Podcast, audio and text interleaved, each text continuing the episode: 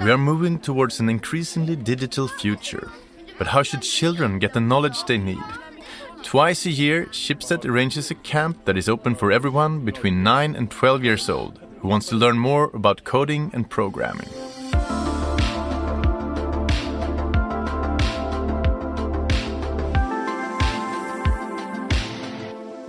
Sven Störmer Taulov, Chief Data and Technology Officer.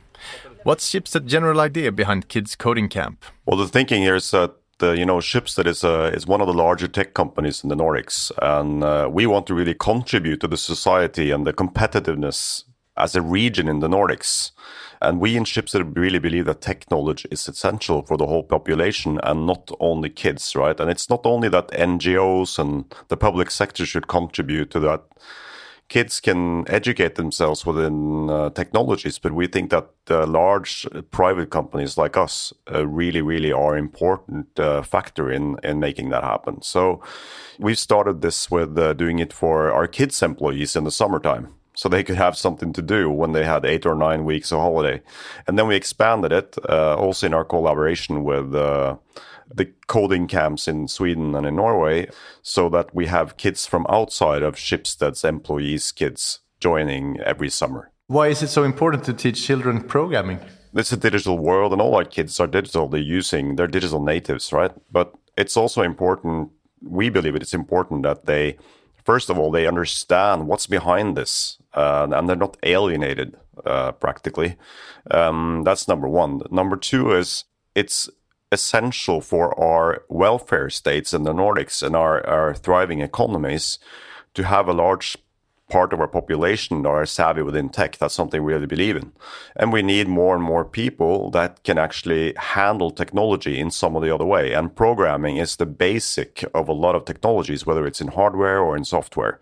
By doing this, we hope that more kids can endorse technology, they can understand it more, that they're not afraid of it, and uh, not the least that some many some of them choose science, right? Both girls and boys, and and go into tech in some or the other way. So the typical parent question then: Don't they get enough screen time as it is? I mean, Schibsted, the Norwegian company, shouldn't you take the kids on on a, a hike up to the mountains instead?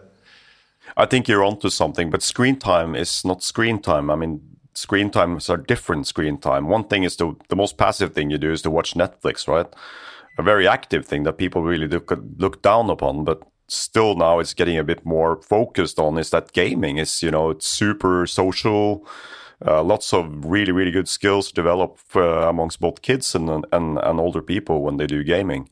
And then programming is really using the computer as a tool and in one way try starting to reveal the power of a computer apart of using it for netflix or or gaming. You know what can you actually create on a computer? So so i think it's a very very different thing than defining everything as screen time. It's very differentiated in a way. So let's hear what the kids had to say I visited the coding camp in Stockholm. Eh, jag heter Smilla och jag är 11 år gammal. Jag heter Juni och jag är 9 år gammal. Vad tyckte du var det bästa med Kids Coding Camp? Eh, man fick eh, nya kompisar, man fick göra sina egna spel och koda. Hur du får en grej att röra sig med pilknappar. Jag heter Vincent och jag är 9 år. Var det något som var svårt tycker du? Eh, ibland så fastma, fastnade man ju liksom på en uppgift så då behövde man liksom fråga om hjälp. Man inte visste vilket block man skulle använda till den här. Och så att det var jättemycket block som skulle göras. Och eh, svårt att hålla reda på vilka man skulle ta då. Och, då liksom. och vad skulle du säga att du har lärt dig? Att koda och så. Jag har lärt mig att koda mycket bättre. Och kommer du jobba med det när du blir gammal? Jag tror det. Eh, det vet jag inte direkt, men kanske. Eh, ja, jag heter Tim och jag är 12. Varför tror du det är viktigt att lära sig att knacka kod? För att kunna utveckla saker och typ skapa appar och sånt. För att då är det bättre möjligheter kanske att få ett jobb i framtiden. A quick translation. The kids made a lot of new friends, learned how to code, and might want to work with this in the future.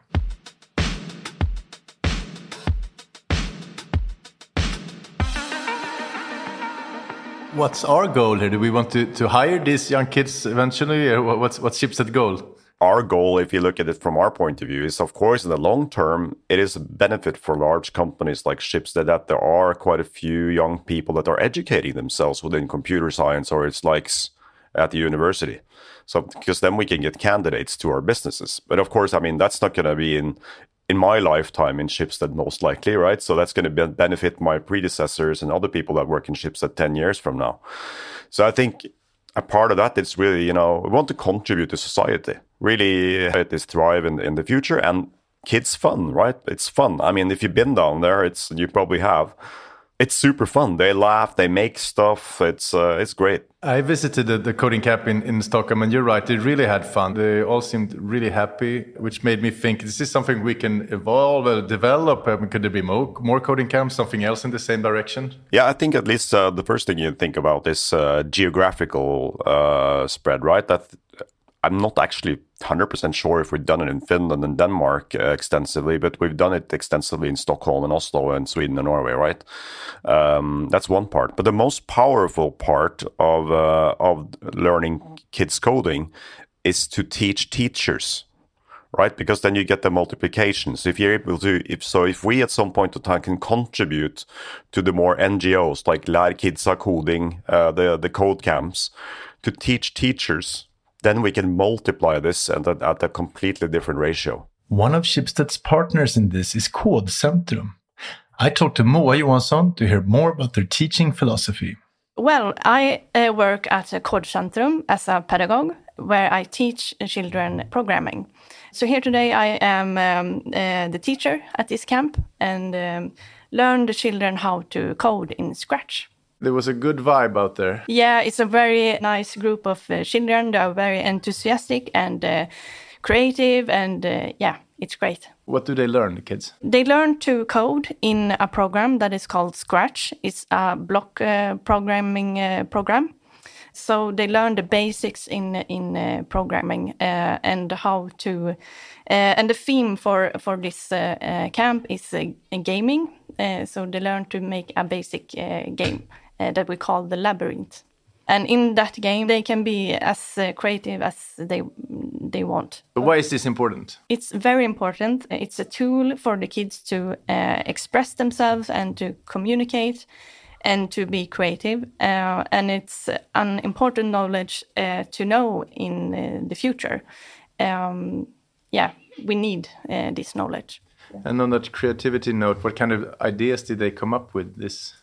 It's very uh, interesting because we start with uh, um, uh, with the same game and uh, uh, I go through uh, each step, but in the end, every kids make their own approach and make their own game. So now we have 26 different games, and it's very inspiring to see.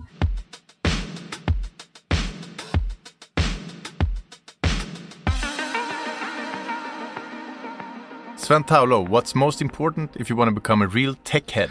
Yeah, I think the the first uh, the three things. One, don't be afraid of technologies. Just try it out. You know, if it breaks, it breaks. Uh, that's usually the, one of the biggest barriers for people when they start to learn technology is that they're afraid of technology. They're afraid to ruin something, and they should not be because that's the way you learn, right? Uh, the second one is to be curious, and doesn't matter who you are, what education you have, where you're from, or how old you are. It's just to be curious all the time. Um, and the third one is to not be afraid of asking people, learn from others, and that can be physically, but it, not least is going to be on the internet, right? It's unbelievable what you can learn from different news groups or YouTube videos or different trainings on the internet just by by being there yourself, which in practical is a it's a revolution for the world in terms of access to education, right? So go down there, break stuff, be curious, and learn from others. That's those are my three three uh, best advices for uh, being a tech head, if that's what you want to call it. If you're interested in signing up your kid for a future coding camp, keep an eye on schibsted.com for more information.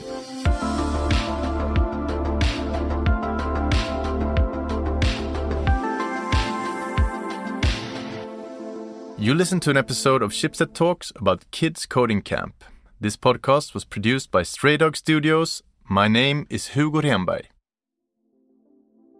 Don't miss out on the earlier episodes of Schibsted Talks, like number 77, where tech columnist Björn Jeffery and AI specialist Agnes Stenbom talks about the risks and benefits of artificial intelligence. I'd say I'm pretty optimistic about the technology, and I may be pretty pessimistic about how these big companies working with it are going to manage it.